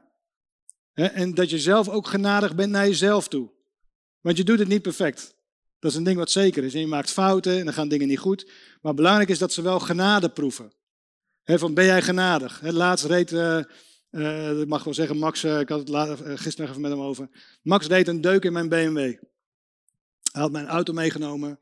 En, en op een gegeven moment, toen belde hij op, zegt hij, pap, zegt hij, het is echt gewoon heel balen, zegt hij, maar er zit echt een mega gat in je bumper. Ik zeg, oh joh. Hij zegt, dus hij zat echt een beetje in de rats. Dus hij kwam thuis, dus we liepen samen naar die, naar die auto toe. Mega gat had hem gewoon in een elektriciteitskastje gezet. Die, die, die, die auto hebben honderdduizend bliepjes en piepetjes, maar het is gewoon knap, weet je, dat je er een gat erin krijgt. Maar, maar het was hem wel gelukt. Dus er zat een gat in die, uh, in, in, die bumper. Dus ik zei tegen hem, ik zeg, ah, weet je Max, het is maar materie. Joh. Het is gewoon maar materie, dat komt wel goed. En, dat, en op dat moment, ik wist dat helemaal niet, maar maakte bij hem zoveel indruk. Dus hij, was, hij dacht wel, zeggen, oh weet je, de auto van mijn vader. Dus hij had, hij had al bedacht van, ah, weet je, ik moet het goed maken. Ik moet die auto wassen, poetsen, gewoon de komende maanden gewoon. Ik moet het echt weer in orde maken. en, uh, maar toen zei ik tegen hem, joh Max, weet je, het is gewoon materie. Het is gewoon, het is gewoon, gewoon maar een auto. En ehm, dus hij begon erover na te denken, dingen die ik had gezegd. Sprak daarna bij de jeugd bij ons. En gebruikte dit voorbeeld. Dus hij zei tegen die gasten, jongens, luister, ik heb echt een domme fout gemaakt. Ik heb de auto van mijn vader een beetje groter gemaakt, helemaal god gereden. Dat was niet zo, er zat gat in de bumper. Maar goed, voor het verhaal was wel mooi. Dus hij zegt helemaal god. En uh, dus ik kwam thuis en ik dacht van, en nu dan? En toen zei mijn vader, weet je, het is maar materie. Hij zei, ik ontmoet de genade. Hij zei, en, uh, dus hij maakte het vrij. Hij zei, weet je, en bij God is het ook zo, weet je. Het ging over de doop. Hij zei, weet je, misschien wil je laten dopen, maar denk je, ben ik wel goed genoeg? En moet ik niet anders leven? Dus hij, hij vervolgens, vervolgens uh, zei hij aan het eind, zei, wie wil zich laten dopen? Veertien gasten staken een hand op. Echt mega. Dus, uh, dus dat werd een heel groot feest. Ook, de, God was al, ook aan het werk bij ons in de gemeente. En toen laatst zei hij van, pap zegt, je hebt, hebt dat gat helemaal niet gemaakt in je auto. Ik zeg, nee hoor, ik zeg, vind het zo tof. Zeg, elke keer als ik dat gat zie, dan denk ik gewoon aan die veertien dopelingen. Dus uh, ik zeg, ik laat het pas maken als ik hem ooit verkoop. Dus, dus om aan te geven dat het is belangrijk om genade, uh, genade dat er genade is in je, in je gezin. Dan de volgende, leer je kinderen hoe geld werkt. Dat is ook een heel belangrijk principe. Kijk, uh, het is uh, in Nederland natuurlijk hebben we een achterstand als het gaat om geven. He, mensen vinden het moeilijk. Ik, ik preek soms de blaar op mijn tong om mensen uit te leggen dat het goed is om je tiende te geven. Dat de Heer gewoon over de brug komt, dat hij de hemel open gaat, dat hij de schuren en, en, enzovoort. Dat is niet voor vanavond. Maar je kunt je kinderen dus ook leren hoe geven werkt.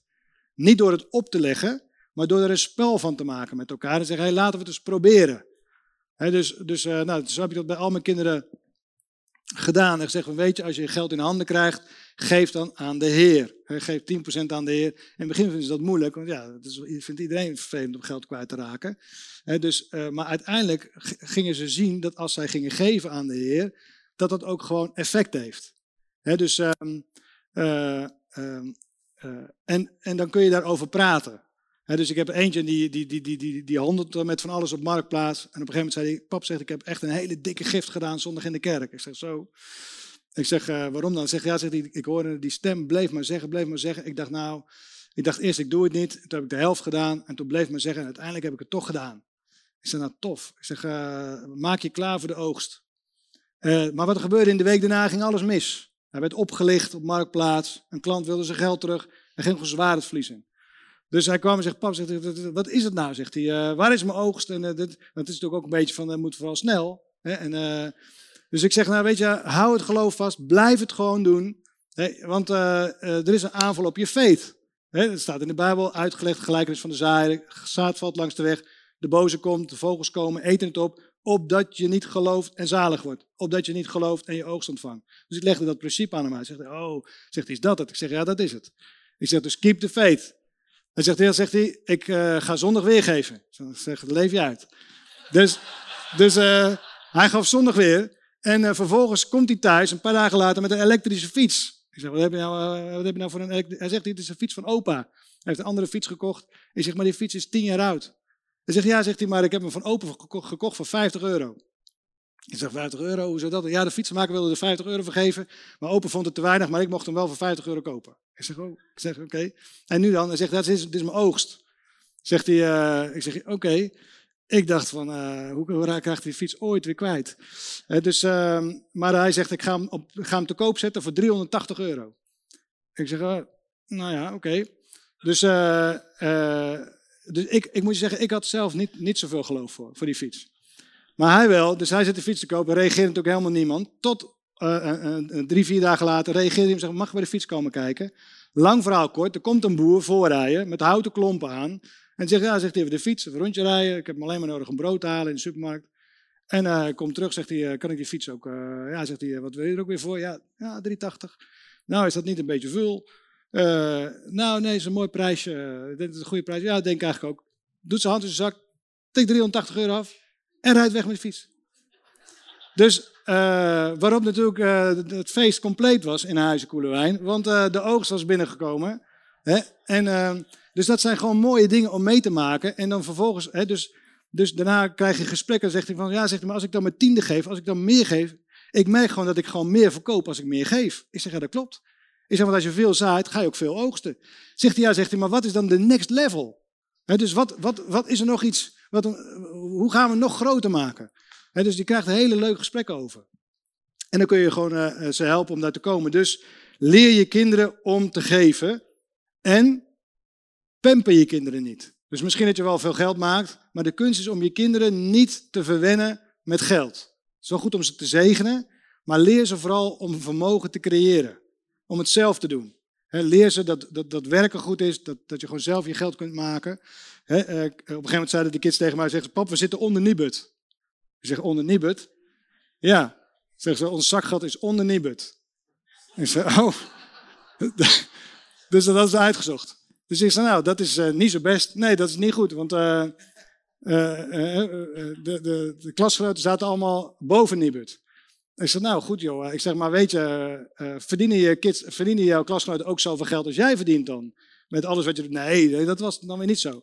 Ik zeg, nee, ik zeg, maar we blijven ook gewoon op dit niveau. Zeg, we gaan niet, we gaan niet boven Nibud, want het is, het is veel mooier als je het gewoon zelf weet te creëren. Ik zeg, dan maakt die paar euro ook niet meer uit. Nou, daar waren ze het ook wel mee eens. dus uh, laat God de voorziener zijn van je kinderen. Leer ze om geld zelf te maken. En dan is het ook belangrijk om wel te faciliteren als God spreekt in hun leven. Als ze een bijbelschool willen doen, of een tussenjaar willen doen, of ze willen op reis, of ze willen een training doen, of bedenk het, of ze willen naar opwekking, of ze willen naar... Kijk, op het moment dat geld dan een issue is, zaai dan in het leven van je kinderen, zodat ze op plekken komen waar ze gewoon uh, goede dingen ontvangen. Dat is wel goed om te doen. Het is ook is goede, goede grond om in te zaaien. maar pimpen ze niet. Nou, dan gaan we naar de ene laatste. En dat gaat over uh, puberteit. we hebben nog vier minuten. Um, over puberteit, daar ga je het ook mee te maken krijgen. met strijd in huis. Maar uiteindelijk is het belangrijk om altijd die liefde te laten, uh, de boventoon te laten voeren dus gewoon, dat werkt eigenlijk gewoon het beste. Als ze je uitschelden, je kunt natuurlijk helemaal getriggerd raken. Maar blijf die grenzen stellen. Dit is wat we doen hier in huis, dit is wat we niet doen in huis. Ik snap dat je het er niet mee eens bent, ik hou van je. Ik snap dat je met de deur, met de deur slaat. Ik snap het allemaal, maar weet je, toch hou ik van je. Er valt natuurlijk veel meer over te zeggen, maar ook weer niet helemaal mijn terrein om daar onderwijs over te geven. wat ik wel wil zeggen is, je gaat ook te maken krijgen met verkering, met liefde, met vriendinnetjes, en al die dingen meer. Kijk, wij hebben in ons huis gezegd en heel duidelijk uitgelegd: verkering is geen speelgoed. Het is niet zo van, oh nou leuk, lekker kroelen, lekker dingen. Weet je, dat, dat, is, dat, is niet, dat is niet waar verkering voor bedoeld is. Verkering is bedoeld om echt te kijken, ga ik het leven doorbrengen met diegene?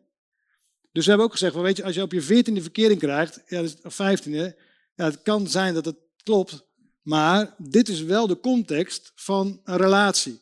Het is niet zo van, nou weet je wel leuk, doen we twee maanden met die en dan twee maanden met die. Want voor je het weet is dat de cultuur, dat is de cultuur in onze maatschappij. Het is ook wel fun en leuk, niet leuk om alleen te zijn.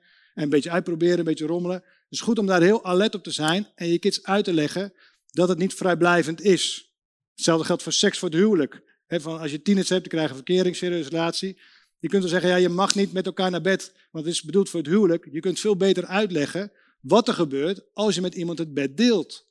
Kun je zeggen, op het moment dat jij het bed met iemand deelt, dan word je met elkaar één vlees, dan word je helemaal verbonden met elkaar. En op het moment dat dat gebeurt, dan ontvang je ook wat in, wat in die ander zit en vice versa. Op het moment dat je dan weer breekt met elkaar, ja, dan probeer maar eens twee dingen die aan elkaar gelijnd zijn, weer uit elkaar te trekken. Dat, dat geeft brokken. Dat is in een relatie ook zo. Als je dat uitlegt en zegt, joh, het is belangrijk dat, dat je beseft wat een verbond is, hoe het huwelijk bedoeld is, dan gaan ze snappen, oh, is dat de reden? want die hormonen die gieren gewoon natuurlijk gewoon in de ronde. Dus, dus, dus als ze zeggen het mag niet, dan krijg je de wet en dan, kom je vaak veel verder van huis. Valt ook veel meer over te vertellen, maar dat voor nu. En het laatste is, vertel getuigenissen in je huis. kinderen zijn dol op getuigenissen, vinden ze fantastisch. Gewoon uh, dingen die God heeft gedaan in je eigen leven, in het leven van een ander. uh, ik vertelde ik was op vakantie, we gingen wandelen in de bergen. En op een gegeven moment was die wandeling een beetje lang. Dus we raakten wat vermoeid en zo. En toen op een gegeven moment zei ik, jongens, ik heb nog wel een paar mooie verhalen. Dus ik begon de verhalen te vertellen uit de boeken van God's Generals. En dingen die gebeurd waren in de leven van die gasten. Nou, ik had het ene verhaal nog niet verteld. Toen zeiden ze van, uh, en heb je nog een verhaal? En dus ik weer een ander verhaal vertellen. En ze heb je nog een verhaal? Dat, was helemaal, dat, dat zogen ze op. Dat vinden ze gewoon fantastisch. Er is getuigen, er zit zoveel kracht in getuigenissen ik, was, ehm, dus, ik was dus op pad in Finland afgelopen weekend.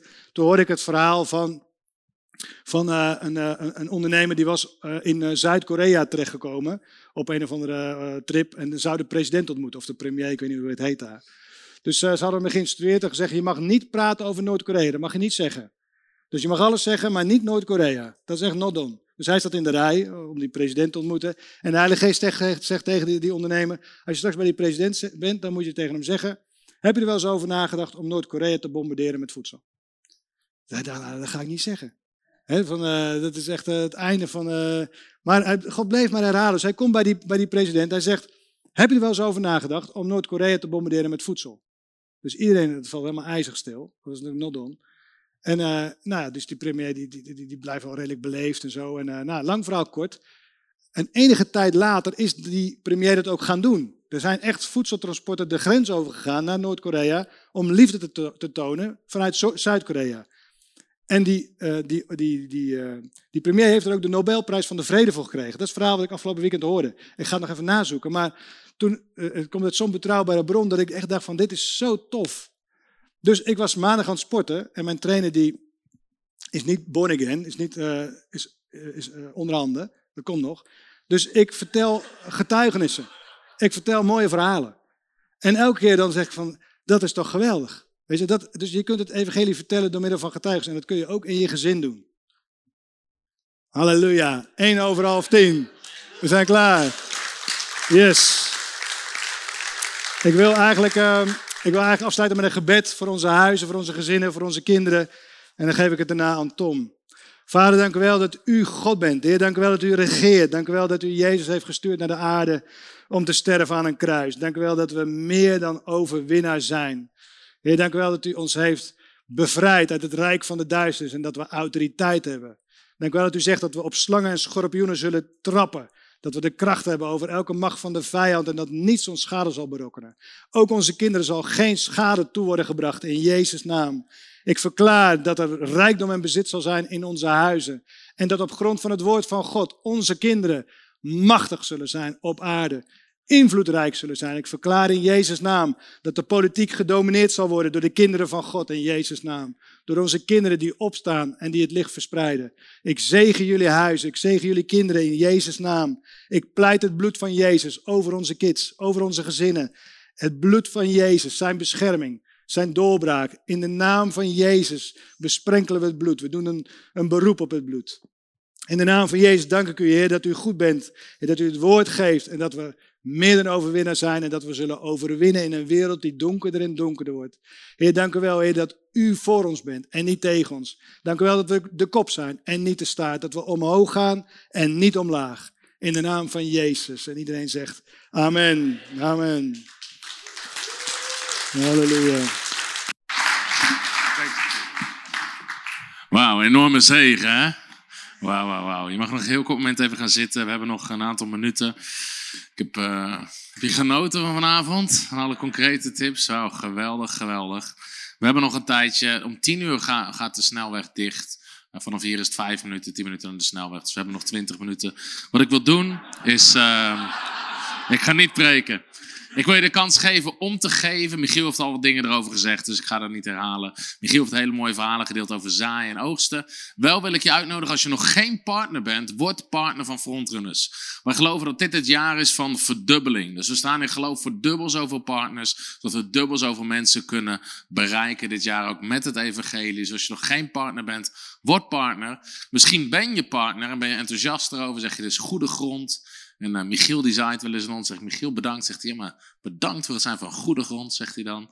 En uh, dus hij zegt, hey, het goede grond, je kan ook je partnerschap verhogen. Dus kan je ook aanvinken, uh, ook via de website, ook iedereen die online kijkt. Of via een machtigingskaartje, even oud bedrag, nieuw bedrag, um, of een eenmalige gift. Dus we nemen even tijd om het in te vullen.